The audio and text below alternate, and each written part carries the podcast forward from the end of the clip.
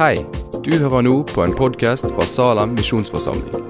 En menighet i sentrum av Bergen. Vil du vite mer om oss eller komme i kontakt med oss, gå inn på salem.no.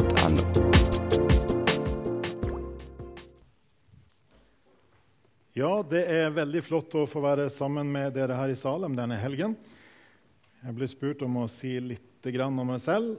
Til daglig holder jeg til nede på NLA, Medieskolen Gimlekollen, eller Gimlekollen Mediasenter, som det heter på Sørlandet.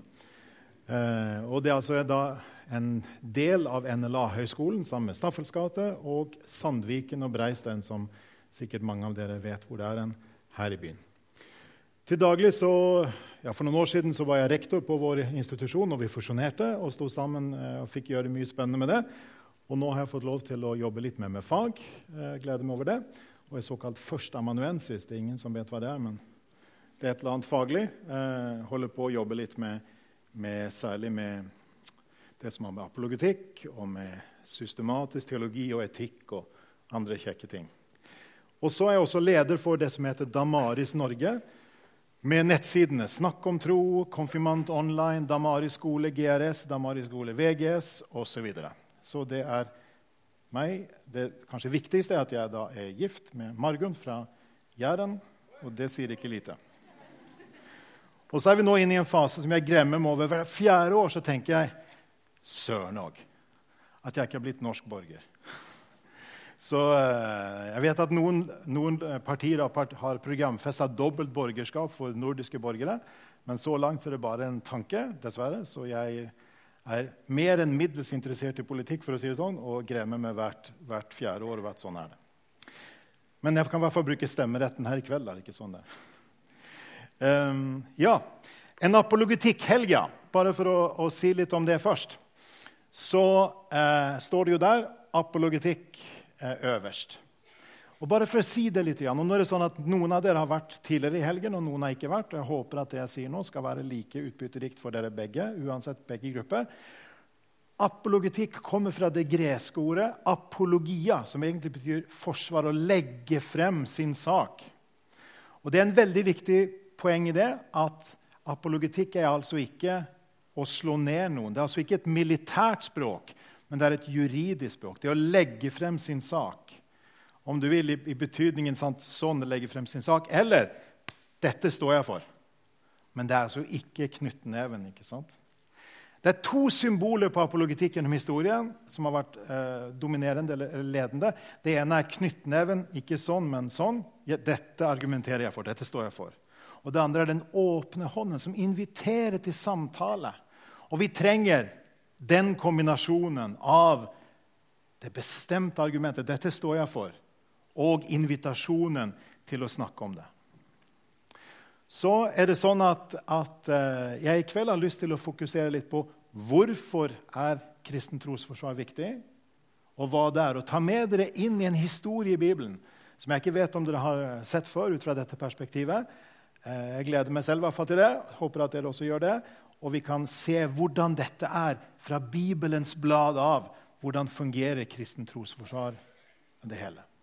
Og så var det en ting som jeg merka meg når eh, vi nå hadde denne flotte lovsangen. Den siste sangen eh, talte sterkt til meg om, at, om, å bøye seg for deg, majestet, var en av, en av setningene. Og det andre var eh, eh opphøye deg, redningsmannen vår. De to. Og så, nå i ettermiddag, for dere som var på seminaret, eh, så nevnte vi eh, Francis Schaefer, som grunnla Labri-bevegelsen i 1955. En av de viktigste, sammen med C.S. Lewis, eh, den viktigste trosforsvareren på 1900-tallet, kanskje. Og han sa det. I dag trenger vi å formidle kristen tro slik.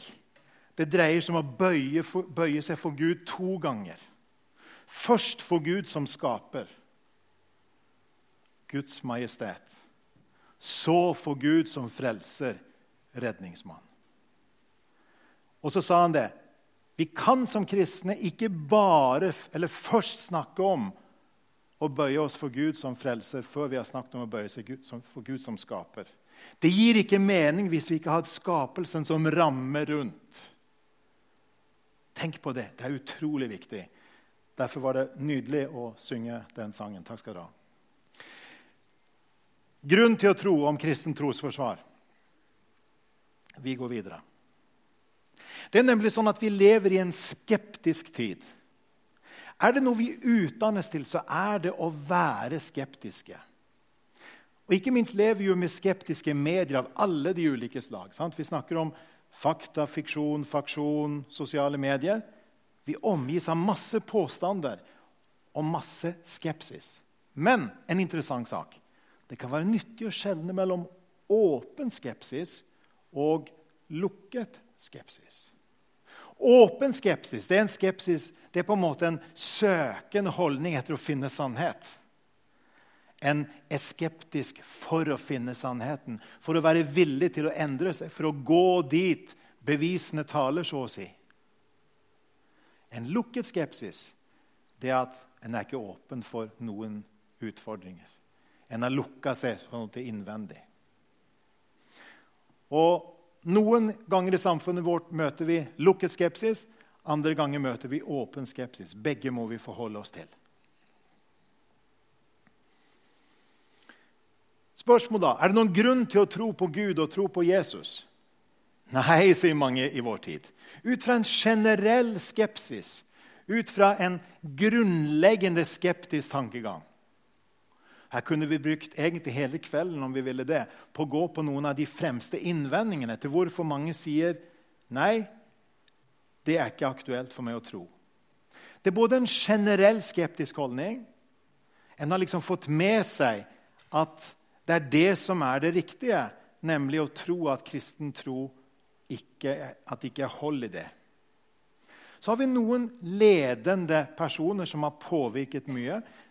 For noen år siden var særlig det aktuelt med den såkalte nyateismen. Richard Dawkins og de andre, som en del av dere sikkert har hørt om, som var veldig sa at det er ikke bare det at det er feil med kristen tro, men det er farlig. Fordi en sier at noe er sant. Og se på det! Det er jo de som sier at noe er sant, og villige å dø for det. Det er jo de som skaper krigen i verden, er det ikke det? var liksom tankegangen. Tenk bare på 9-11. var liksom tankegangen da. Så galt kan det gå når religionen og de religiøse får styre. Så møter vi alle ulike slags innvendinger rundt oss i samfunnet. Om eh, halvannen uke eller noe sånt, så er det premiere i Norge på en film som kommer å få stor oppmerksomhet. Og For eh, en, eh, bare halvannen uke siden så, så, var vi tre stykker fra Damaris Norge som var invitert til å være med på filmfestivalen i Haugesund. Jeg har ikke vært der før, så jeg liksom føles å være en del av fiffen i kulturen. Da, for en gangs skyld. Eh, så, så jeg var ikke der på Amandaprisen, riktignok, men på åpningskvelden. Eh, og da var det filmen av Joakim Trier, en veldig dyktig ung regissør. Filmen 'Thelma'. Den filmen skildrer en, ei ung jente som eh, kommer fra et kristent hjem på Sør-Vestlandet en plass, flytter til eh, Oslo, begynner på Blindern, og filmen er om hennes reise. Reisen fra et overbeskytta, jeg vil si manipulerende hjem til en eh, mer friere studenttilværelse. Fra en kristen tro. Og der fins alt mulig You name it, altså, så er det med i den filmen av ulike ting som folk reagerer på. Det er der i den filmen. Eh, veien fra å ikke ha anerkjent at hun var lesbisk, til å på en måte møte ei, ei unge, annen ung jente som hun faller for. En fortelling på så mange plan. Og så er det interessant Hva skrev VG? Hva skrev Aftenposten? Hva skrev NRK? Dette var treffende beskrevet, skrev de. Sekser, femmer, sekser, ikke sant? firer osv. Gode, gode terningkast. De følte de kjente seg igjen. Så var vi noen som var samla. Grunnen til at vi var på filmfestivalen, var at det var en konferanse for, for kirke, kirkelig folk, eller folk kristne og i kirkelige sammenhenger som er interessert av film. Eh, og I Damaris jobber vi mye med film, og derfor var vi også invitert. Eh, og vi var, e vi var, uenige om mange ting teologisk i den sammenhengen der, men vi var enige om én en ting. Filmen ga ikke en dekkende beskrivelse. Ser dere? Her er det de sekulære selvfølgelighetene som slår inn, som vi snakket om på fredag kvelden. Forutsetningene. En sjekker på en måte ikke hva det er. Det er både en er en slags sånn grunnleggende skeptisk holdning.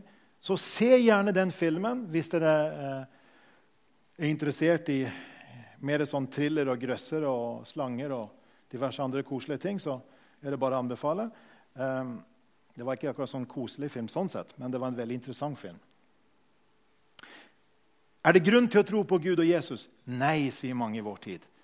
Nei, nei, nei. Enten nei med et veldig klart nei, eller et så å si forutsetning ligger der i kulturen vår. Ja, sier Det nye testamentet, med et rungende ja.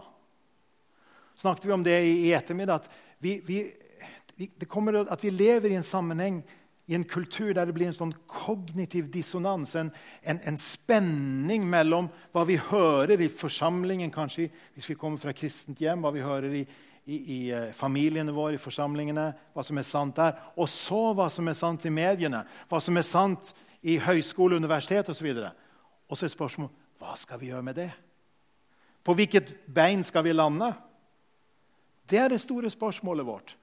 Og da trenger vi og virkelig spørre oss selv er vi kritiske nok. Eller sluker vi de sekulære selvfølgelighetene? Sluker vi skepsisen, også den lukka skepsisen, altfor mye? Så kan du si apologetikk, ja. Er det noen har funnet på i vår tid? Nei, det er så slett ikke det. Apologetikk er noe som fins dypt i de nytestamentlige skriftene. Faktisk er mange av Nytestamentets skrifter de er apologetiske. De har en hensikt å si noe om hvorfor det er sant. Vi kunne snakket om flere av de, men jeg har valgt å si om en av de, nemlig Lukas' apostelgjerningene. Dere vet kanskje da kan vi skifte, at Lukas er første bind av et tobindsverk. Lukas var lege. Han reiste til tide sammen med Paulus.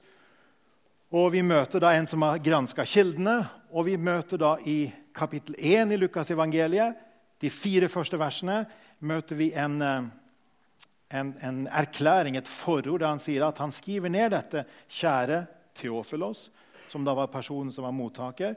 Og han skriver ned for at du skal vite hvor troverdig det er, det du har fått opplæring i. Hvor troverdig det er. Og Hva betyr det? Jo, som, jeg, som dere ser på, på, skjermen her, det betyr at det er troverdig. Jeg har kalt det Theofilos og co. altså Theofilos og gjengen rundt. på en måte. Hva trengte de å vite? Jo, at det var troverdig, for det første, i form av historie. De kunne stole på at dette hadde skjedd. Det som sto om Jesus i Lukas evangeliet, hadde skjedd. Det som sto om, apostle, om apostlene, Peter, Paulus og de andre apostelgjerningene, hadde skjedd. Det var en troverdig historiefortelling. Det er det første. Det andre er budskapet som Jesus kom med. Budskapet som apostlene kom med hvem Jesus er, hva evangeliet er. Jesu død oppstandelse er fokus i selve historien. Det er på en måte alt det historien snur rundt. Gud har kommet til menneskeheten. Inkarnasjonen. Guds rike har kommet nær. Misjon. Alt dette som møter oss. Kallet til å leve for Gud. Hva vil det si å være disippel og vitne? Er det budskapet sant? Det er Lukas opptatt av å si noe om. Og det er et rungende ja fra han. For det tredje så kan vi leve oss inn i de første kristne situasjon. Vi hørte om hvordan det er i Japan å leve som kristne i Japan. Det er få som er kristne. Vi har vært vant til i Norge å leve i en sammenheng der mange har vært kristne. Og så varierer det fra land til land hvordan det er. Men uansett om vi er mange eller få, så trenger vi å vite det vi tror på, er det legitimt? Kan vi få lov til å gjøre det, eller er vi på en måte et utskudd i samfunnet? Er det legitimt? Og det er det Lukas er opptatt av. Han, han er opptatt av å si til de, til leserne dere har ikke valgt feil. Når dere har valgt å tro på Jesus, har dere valgt rett. Det er en legitim personlig tro. Og Nå skal vi gå i et av de siste kapitlene, i apostelgjerningene. Da skal vi se på hva som skjer når Paulus kommer inn i en helt spesiell sammenheng. Sammenhengen er altså at Paulus er fange, og han har klaget til keiseren. Det var jo den øverste autoriteten. Dermed så kunne han ikke bli de store dilemma. Hva gjør de med en person som, som Paulus i den sammenhengen? Og så finner vi da at han sier noe. Vi finner en lang tale i kapittel 26. Og denne talen eh, har jeg tatt med på skjermen. De siste ordene fra. Eh, og det, De er omtrent sånn som dette. da. Men til denne dag har Gud hjulpet meg, så jeg har vitnet for høy og lav. Og jeg har ikke sagt annet enn det profeten og Moses sa skulle hende. At Messias skulle lide, og at han som den første skulle stå opp fra de døde og forkynne lyset både for sitt eget folk og for hedningefolkene. Før vi går videre til reaksjonen på dette Her er altså en lang tale. Paulus gjenforteller hvordan han kom til tro at Jesus viste seg på veien til Damaskus, og hvordan han forholdt seg til det. Og så sier han at han har vitnet som vi ser her, eh, for, for høy og lav, for jøder og greker osv. om hvem Messias er. Han har gjort det i pakt med profeten Moses. Han har talt om at Messias skulle lide. Og så kommer det at han skulle stå opp fra de døde og forkynne lyset for folkeslagene. Så kommer reaksjonen. Fra hvem? Og nå må vi vite hvem er det som er til stede. Dette er et svært rom, sikkert. Og til stede her er kongen og dronningen. Agrippa er en lydkonge. Dronningen heter Berenike. Og Det står i kapittel 25 at de kom inn med hele sitt følge og hele sin stas. Ok, Det er ikke lite, det. Hvis du bare ser for dere, liksom, ikke sant? Eh, jeg holdt på å si Trump og hans følge, men det kanskje ikke ga de rette assosiasjonene. Um, Eh, ok, Hele liksom sånn settingen. ikke sant? Og så har vi landshøvdingen, som jo har den militære makten. Sant? Og egentlig er den, den som til syvende og sist bestemmer. Han vet ikke hva han skal gjøre med fangen. Han trenger Agrippa sitt, sitt råd her. Og så er det at denne landshøvdingen Da han kom til dette punkt i forsvarstalen, legg merke til, ropte Festus høyt. Vet du, Har dere vært i en rettssal noen gang? Er det mange som roper høyt? Nei. Jeg liksom ser for meg, jeg hadde ønsket det var en filminnspilling av dette øyeblikket. her, ikke sant? Han ropte høyt. Du er fra sans og samling, Paulus! All lærdommen din driver deg fra forstanden! Han med mest makt, militær makt, sier dette. Jeg tenker meg at salen står og dirrer. ikke sant? Og så interessant spørsmål. Hvis du hadde fått denne innvendingen, jeg hadde fått den innvendingen at alt vi har sagt, er bak mål Det dreves fra forstanden. Vi, alt det sier er helt tøv, det er crazy. Det, det er hva slags ord vi skal bruke på det. Det er fullstendig galt. Hvordan svarer vi på en sånn innvending? Hva preger Paulus sitt vitnesbyrd? Har vi sagt litt om. Paulus han fortalte om hvem Jesus var hvordan han selv kom til tro. Hvorfor protesterer Festus? Det er et veldig interessant spørsmål. Hva var det det Jesus sa, som fikk Festus til å si du er fra forstanden? Hadde vi hatt tid, skulle vi gjerne snakket sammen om det. Eh, men jeg lurer på om det én sak er at taler om, nei, Paulus taler om oppstandelsen. Det er ofte reaksjoner på det den gangen og i dag. Og det andre er at Paulus sier at han skulle bringe lyset til folkeslagene. Festus var jo blant folkeslagene en romer. Trengte han et lys fra en jøde? Skjønner du at dette er egentlig rimelig kraftig kost for en høy romersk offiser? Og Så kommer det mest interessante spørsmålet akkurat nå i kveld. Hvordan ville du og jeg ha svart Festus? Ville vi ha svart Oi, ikke ta sånn i, da. Sant? Du overdriver litt nå. Gjør du ikke det? Eller eh, tenke at eh, du har din tro, og jeg har min. Kan ikke si noe mer enn det.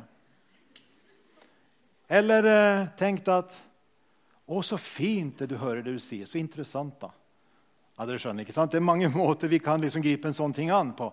Men hvordan er det vi møter sånne ting? Av og til møter du innvendinger. Jeg vet ikke om noen av dere var på UL og hørte uh, Becky Pippert.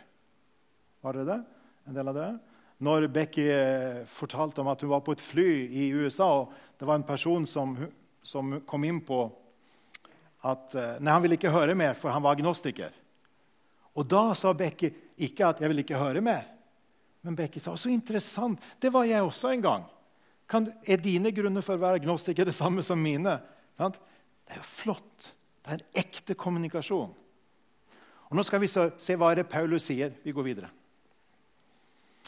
Her finner vi nemlig, og det syns jeg er ufattelig interessant Dette er altså Apostelgjerningen 26. Les gjerne gjennom hele kapittelet eh, hjemme i kveld.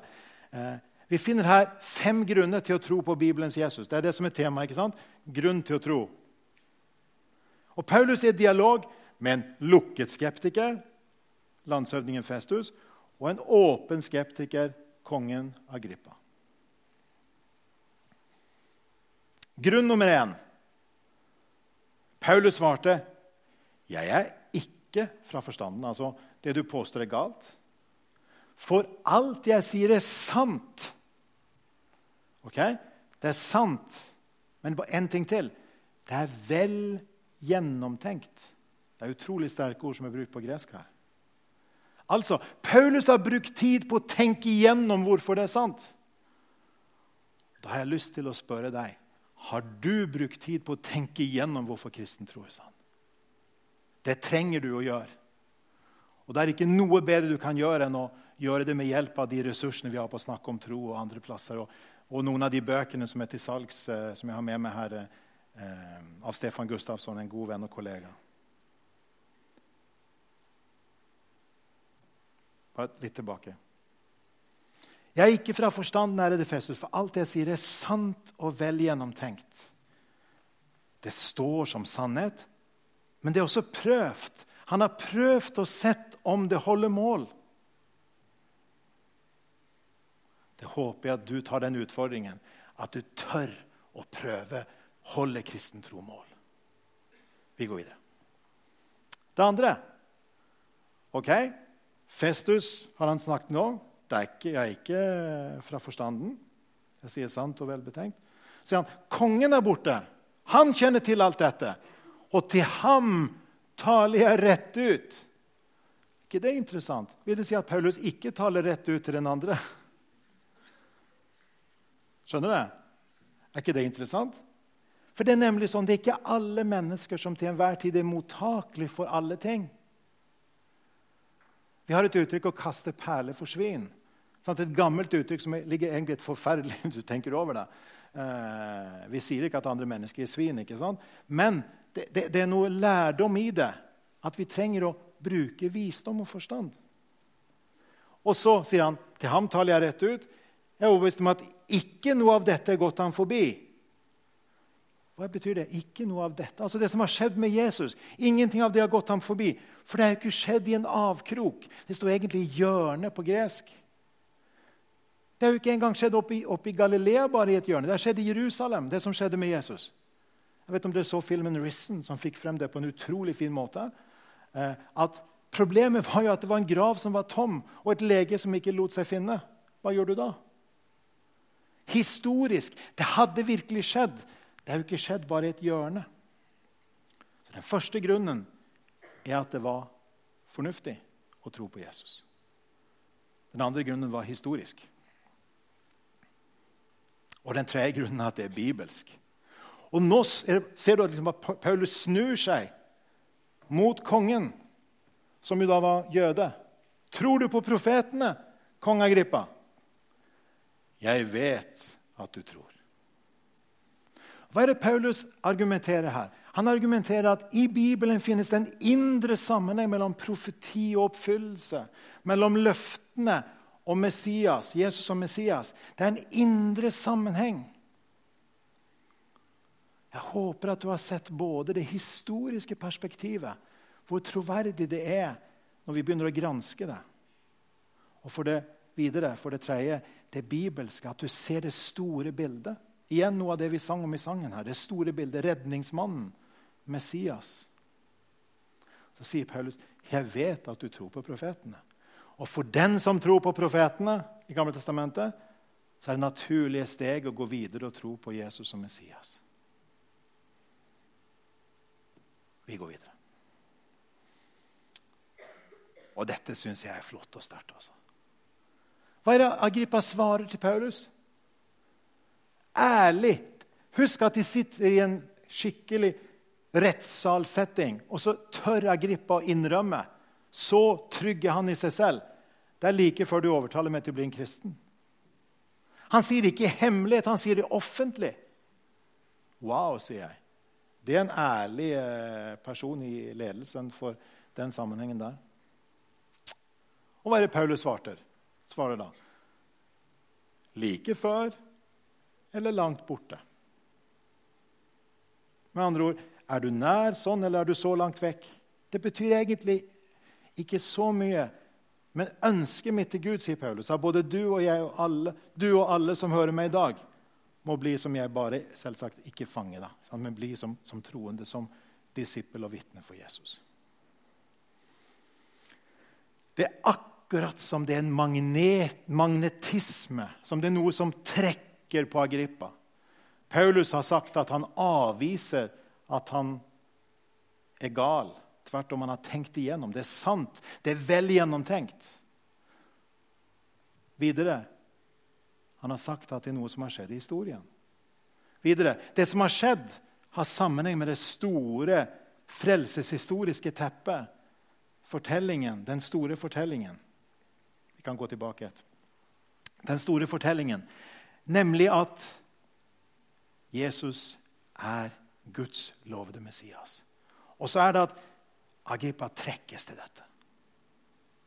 Så vet ikke jeg hvordan du og jeg opplever det. Om vi trekkes til Jesus, trekkes til Bibelen, måtte vi be om å få gjøre det. At ikke vi trekkes fra. Sånn? Når vi opplever denne kognitive dissonansen, at vi, at vi ikke da setter foten ned på feil sted, men at vi velger det rette foten å stå på, for å bruke det bildet, og tør å bekjenne Jesus som veien, sannheten og livet.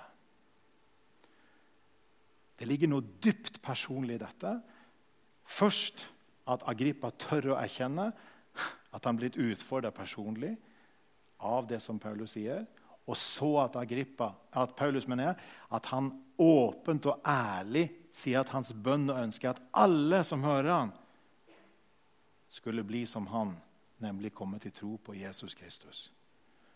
Så tenker jeg at du og jeg i vår hverdag møter mennesker. Noen er mer lukka, som Festus. Andre er mer åpne, som Agrippa. Så skulle vi be om å få være på en riktig måte, viselig måte overfor hver enkelt. Og noen ganger vil vi oppleve det, at folk trekkes til Jesus Kanskje uten å erkjenne så mye av det først, men at det er en bevegelse. Min far døde for noen år siden, eh, og av og til dukker noen sånn visdomsord opp fra han i hodet mitt. i tanken min. Eh, et av de ordene var Han var aktiv som forkynner og skribent. og sånn, og Han sa det. Lars, han, husk på retningen hos folk, sa han. Med andre ord, ikke døm for tidlig, men husk hva er retningen. Er det en riktig retning eller en gal retning? I dette tilfellet hadde Festus en gal retning, men Agrippa hadde en riktig retning.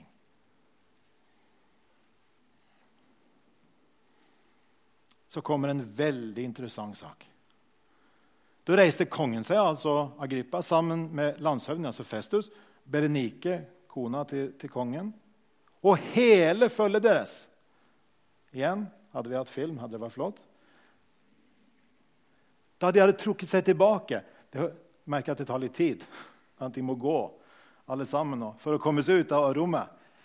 Eh, snakket de med hverandre og sa denne mannen har ikke gjort noe som fortjener dødsstraff eller fengsel.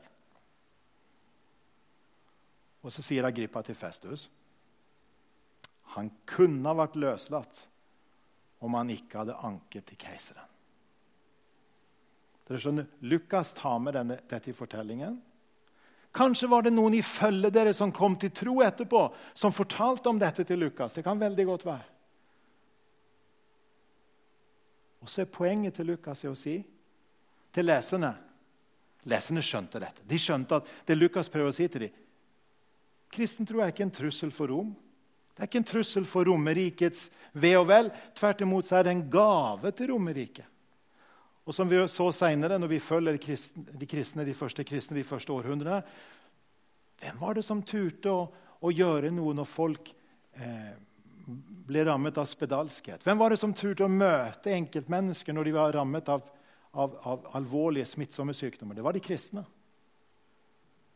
Kristen tro spredte seg fordi en levde ut. Det var en kirkehistoriker som har sagt det sånn. De første kristne de outthinked, outlived and outdied the others. Tenk det, dere. Outlived, det vil si de levde slik at det var et preg på deres liv. Jesus hadde satt preg på dem. De outthought. De tenkte de brukte tanken til å ære Gud. De tenkte så dype og gode tanker at de andre sto sikkert mot dem i, i, samtaler og, og, i dialoger og debatter. And they outdied. De var villige til å bli martyrer for sin tros skyld. Vet dere det at kristen, kristne er den gruppa av mennesker den, som blir mest forfulgt i dag? Vi skal tenke på det. Mange av våre trossøsken lever i en slik situasjon at de har ikke mulighet til å samles sånn som vi gjør her i dag. La oss være takknemlige for vår frihet, og la oss be i bønn for de som ikke har denne friheten. Trosfrihet er et utrolig viktig anliggende. Det må vi stå opp for. Her var budskapet til Lukas sine lesere. Det var legitimt å tro. Vi går videre. Med andre ord Hva har jeg prøvd å si? Jo, det Paulus sier, er hvis du ser på det ut fra hva han faktisk formidler til Festus, så er det at det er fem grunner til å tro på Bibelens Jesus. Det gir mening tankemessig. Det er det første. Paulus har tenkt dette igjennom. Det er sant og vel gjennomtenkt. Videre det skjedde virkelig i historien, i tid og rom. Det er troverdig historisk. For det tredje del av et stort helhetsbilde. Jesus passer inn i helhetsbildet. For det fjerde det møter oss der vi er. Evangeliet møtte Agrippa der han var. Han var åpen for å la seg utfordre. Festus, så vidt vi kjenner til, var i feil retning. Vi vet ikke hva som skjedde siden men i hvert fall så langt fortellingen når her. Og videre det er legitimt i et samfunn så lenge samfunnet er et rettssamfunn. Jeg vet ikke hva som taler til deg mest i kveld. Men kan du ikke ta med deg denne fortellingen om Paulus, Festus og Agrippa? Og se hva som er mest aktuelt for deg? Hva trenger du å gi mest grunn for, både overfor deg selv og for andre i det kristne miljøet du er, og for de venner og studiekamerater og så videre. Familie, naboer, hvem det måtte være, arbeidskamerater du har. Når mulighetene åpner seg for å dele noe om vår tro. Vi går videre.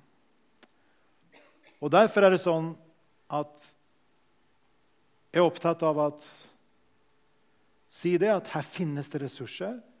Ressurser på nett, men også boka 'Trenger troen forsvaret', som er en ypperlig bok om akkurat dette med denne kognitive dissonansen.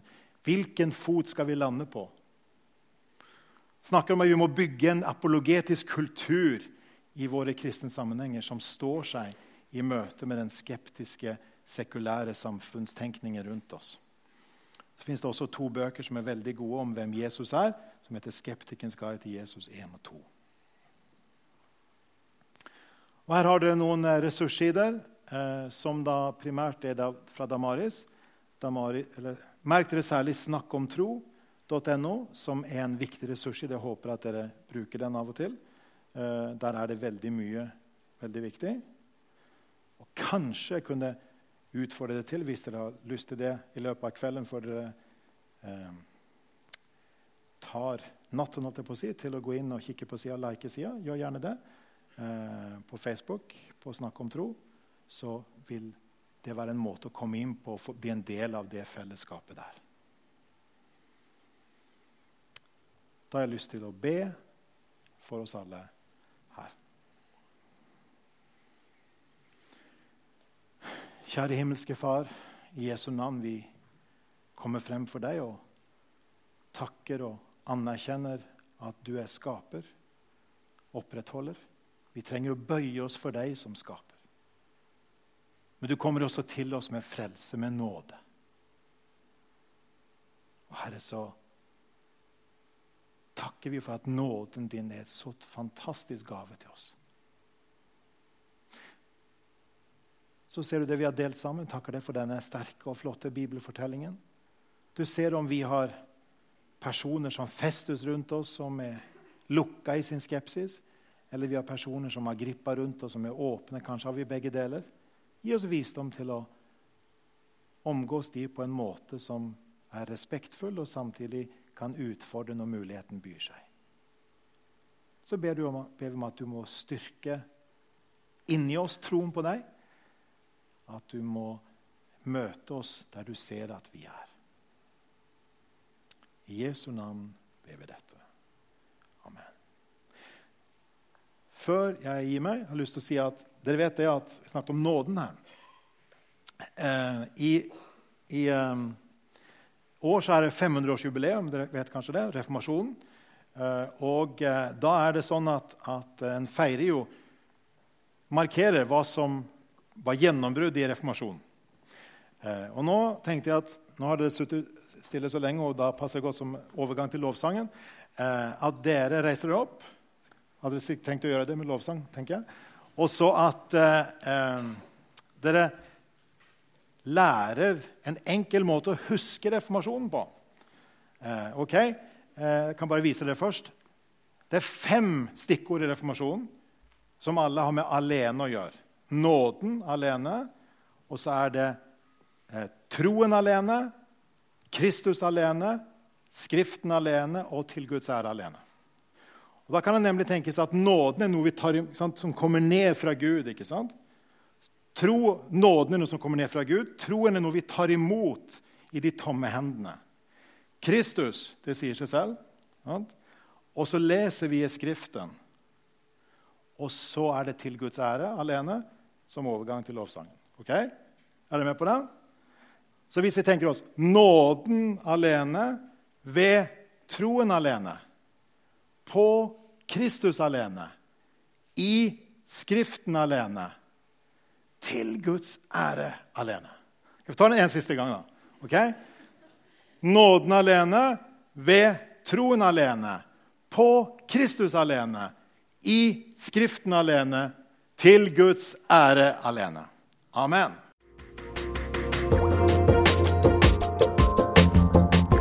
Takk for at du har hørt på podkasten fra Salem, Bergen. I Salem vil vi vokse i et stadig dypere fellesskap med Gud og med hverandre. Vi vil være Jesu hender og føtter, og vi vil være med og forkynne frelse for Bergen og resten av verden. Besøk oss gjerne på salem.no om du vil vite mer.